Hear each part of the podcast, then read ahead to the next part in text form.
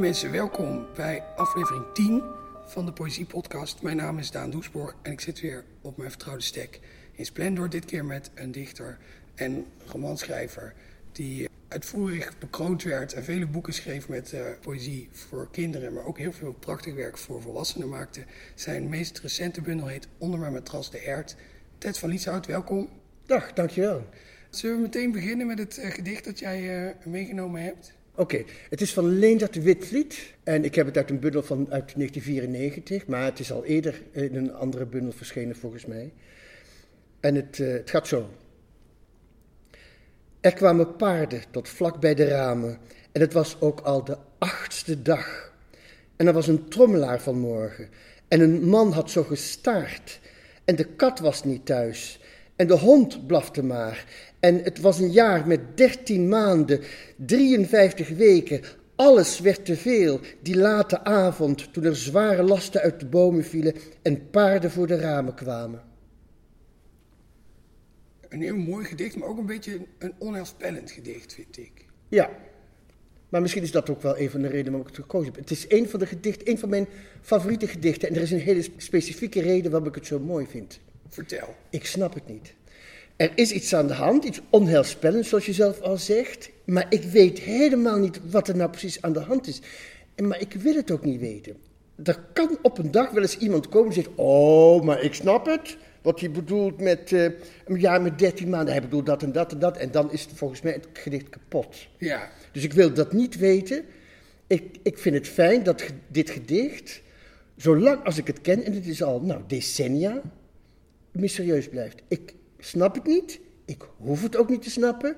Ik vind het mooi en ik vind het fijn dat ik ook van mezelf niet verlang dat ik het snap. En dat is voor mij ook het bijzondere van poëzie. Op het moment dat je aanvaardt dat je niet alle gedichten zult begrijpen, sta je open voor alle poëzie. Ja, ik ben het daar volkomen mee eens. Ik vind het ook zo kunstig hoe hij in die, hoe die, die toon van het gedicht heel ongrijpbaar is. Het is niet helemaal duidelijk of er nu iemand aan het woord is. Bijvoorbeeld een zoals, zoals een kind soms een beetje warrig een, een verhaal kan vertellen, het alle kanten op gaat. Je denkt, waar, waar, heb je het nou precies over? Maar het doet tegelijkertijd ook een beetje denken aan iemand die, die niet helemaal goed bij zijn hoofd is of een beetje angstig. Zoals het doen oh. ook denken aan dat gedicht van Van Zalis. Ik ben voor bijna alles bang geweest. Oh ja, ik, ik uh, zie dat net iets anders. Ik, ik, en zo lees ik het ook een klein beetje voor.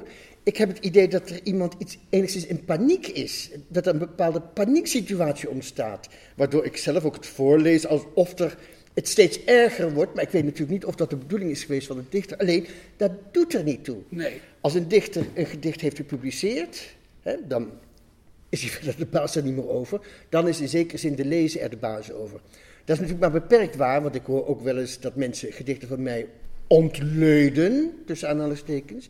En dat ze met iets komen van, ja, maar dat is echt niet de bedoeling, dat heb ik echt niet zo bedoeld. En dan grijp ik wel eens in. Maar als het even kan, dan hou ik mijn mond erover.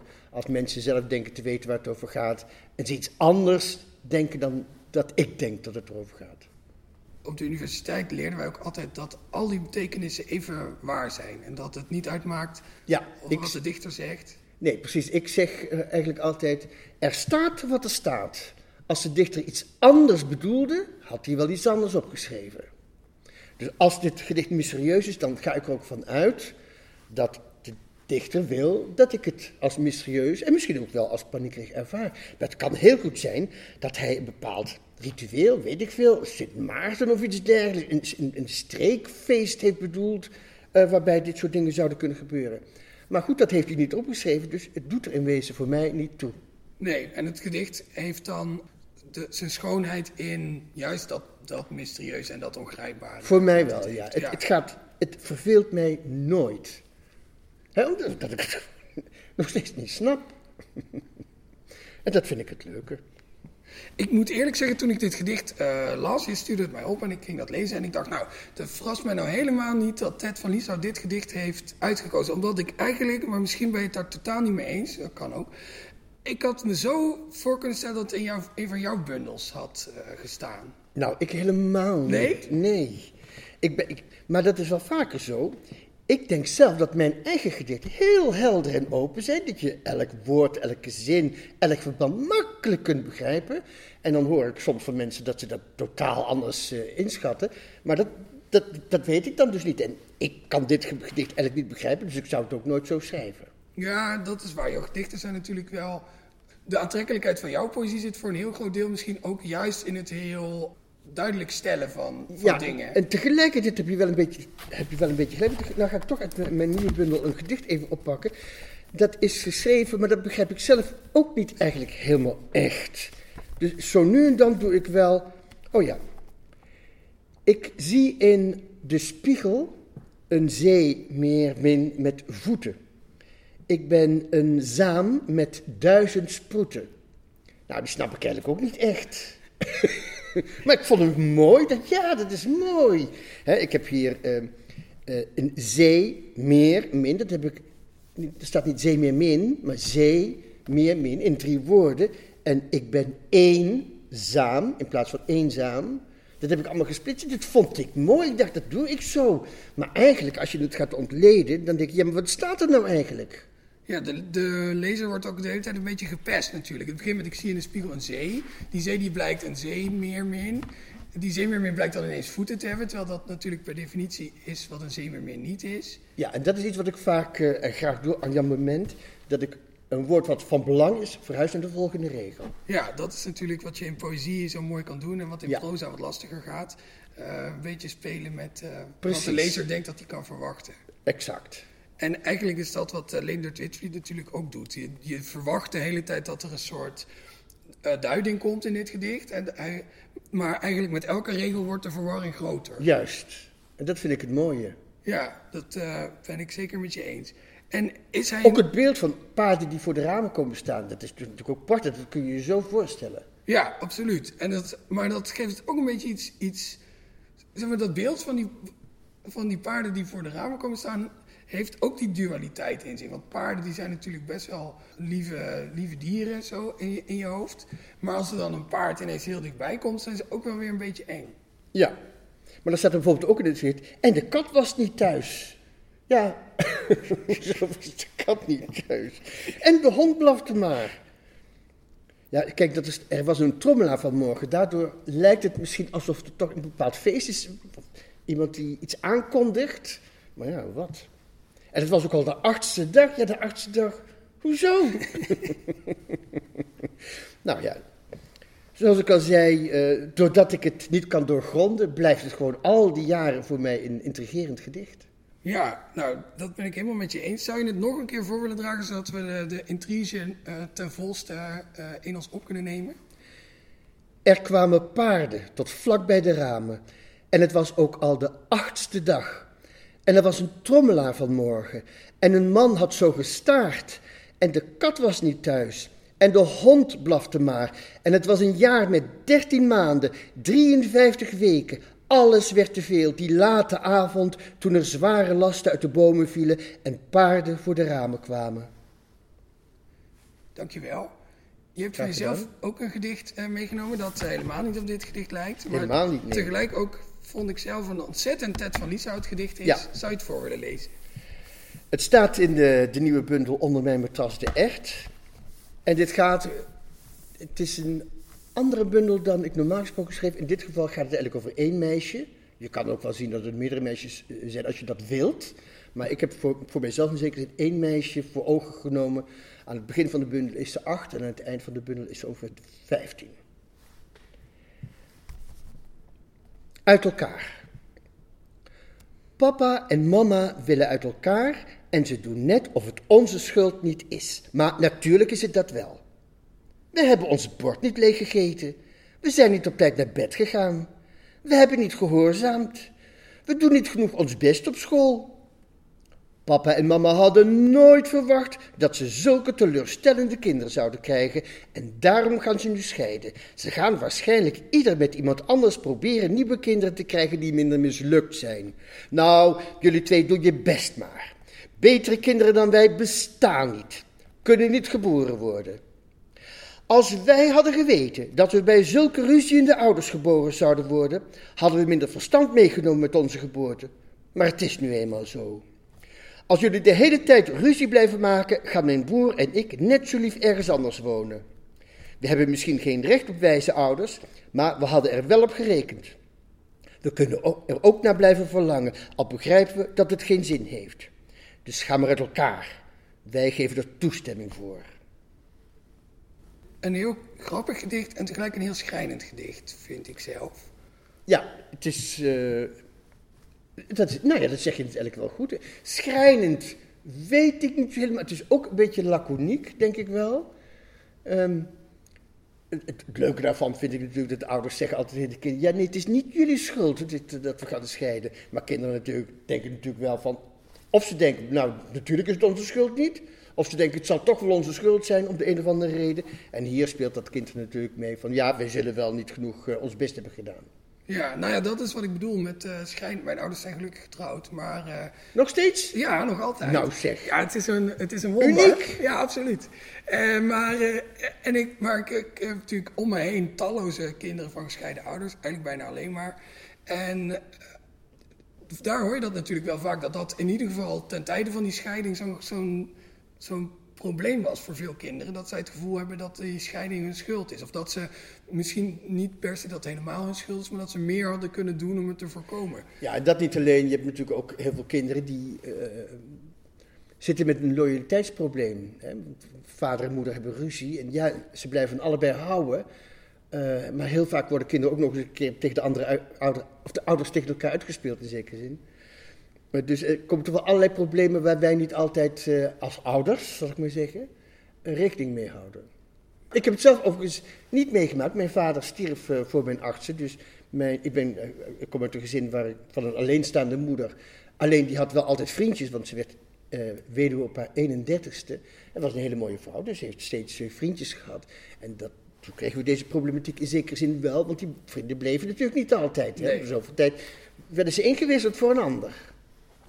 Wat mij opvalt aan dit gedicht en ook aan een ander gedicht, wat misschien wel mijn favoriete gedicht is uit jouw, uh, jouw oeuvre, dat is dat uh, gedicht, volgens mij staat het in driedelig paard, uh, over die familie die een boze brief schrijft over de slager die weigert om hen operatief verwijderde kippenpootjes van nog levende kippen Ja, dat heb ik nu niet bij me, dus ik kan het niet voorlezen. Nee, nou dan raad ik iedereen aan om driedelig paard te Zeker. kopen, want ja, daar nou, staat het in, toch? Ja, ja nou. dat, dat, dat is een blokgedicht. Een blokgedicht dat is een gedicht, uh, en dat lijkt een beetje op een verhaal, maar er zit geen begin en geen einde aan.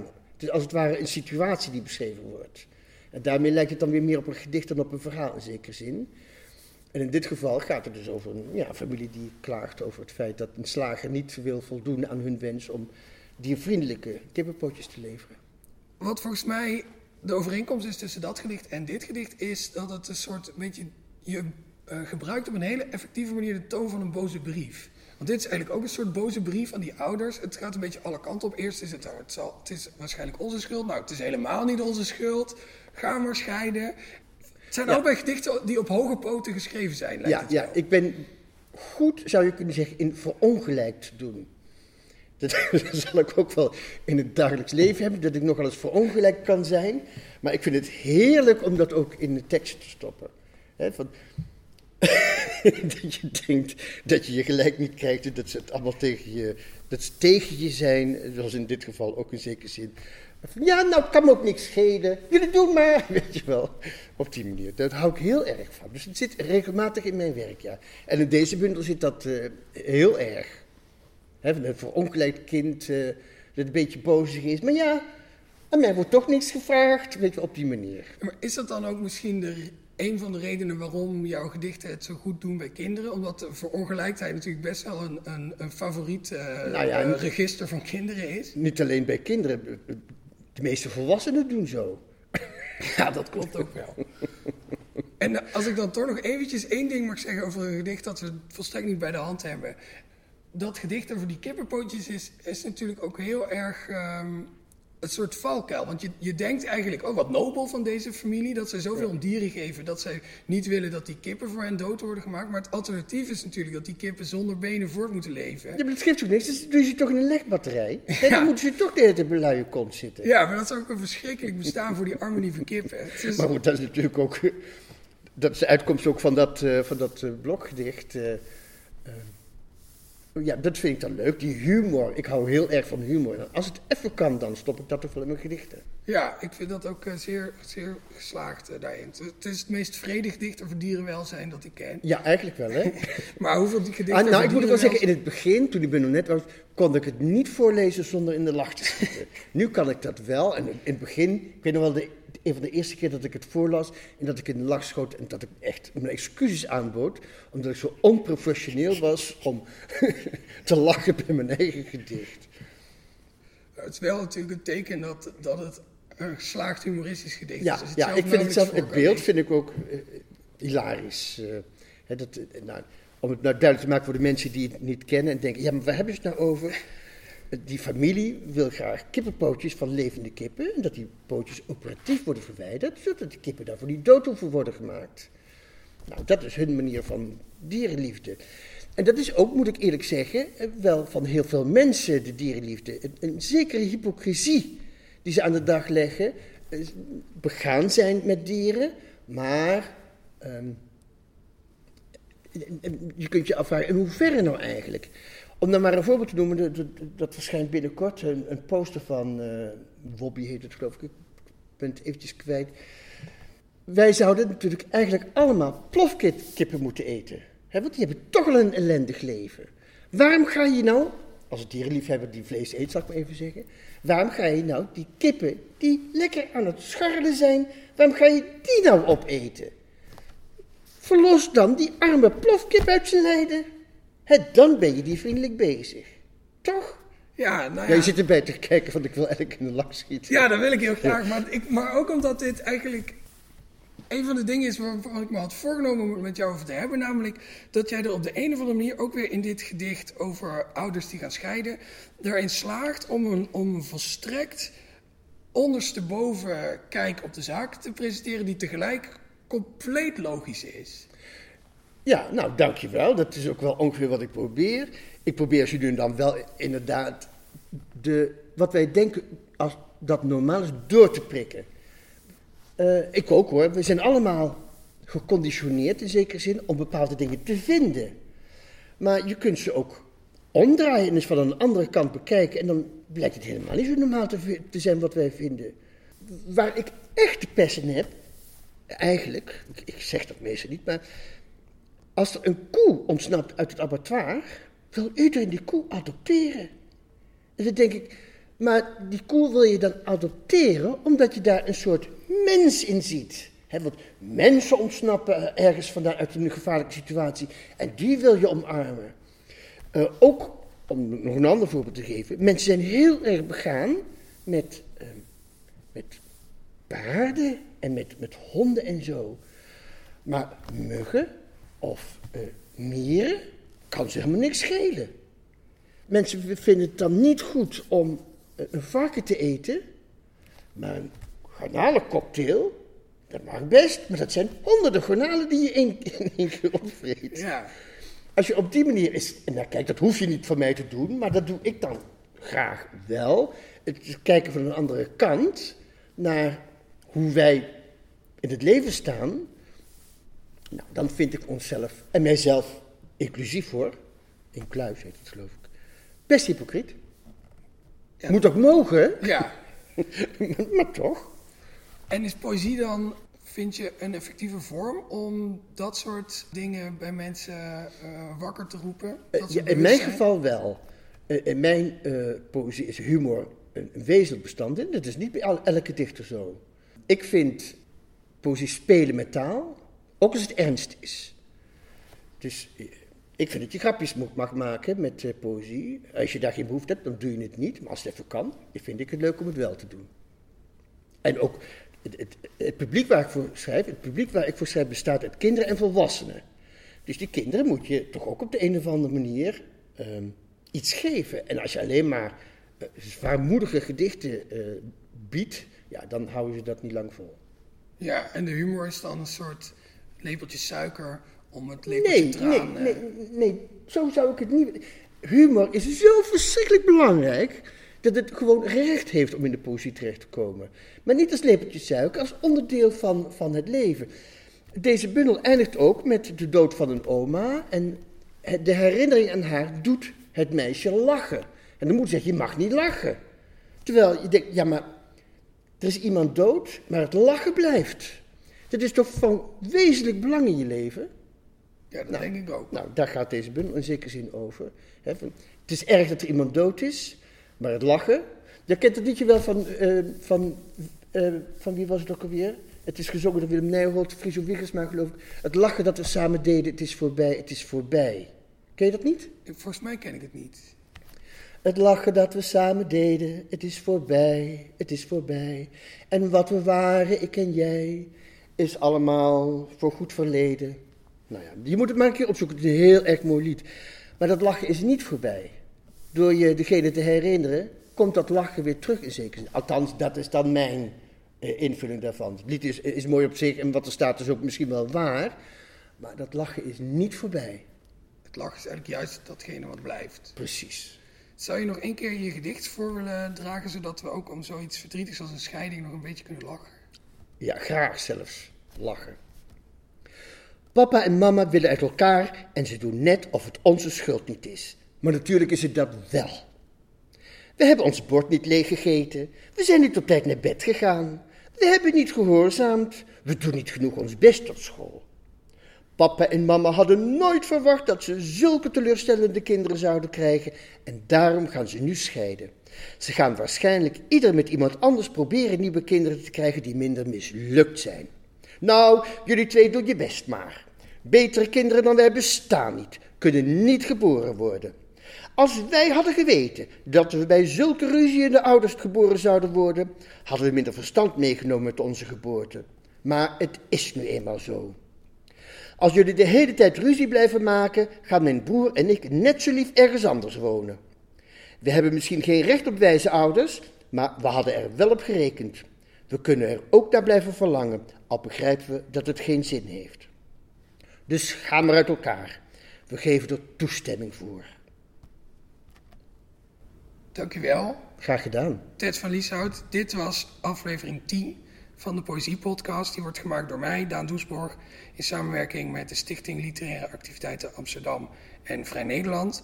Als u deze aflevering beluistert via iTunes of Stitcher of een andere podcast-app, dan staat er in de omschrijving een link naar een artikel op de site van Vrij Nederland. Daar zijn de gedichten te lezen die we besproken hebben en is nog wat extra informatie voorhanden. Als die link er niet staat, dan zet ik hem er over een paar dagen bij en bent u gewoon heel snel uh, als de kipper erbij om deze aflevering te beluisteren. Als u nou via iTunes luistert, laat dan alsjeblieft een uh, gunstige recensie achter. Of als u het niks vond, laat dan maar gewoon geen recensie achter. Uh, wij zijn er over twee weken weer met een aflevering live vanaf de Nacht van de Poëzie. Bedankt voor het luisteren en tot de volgende keer.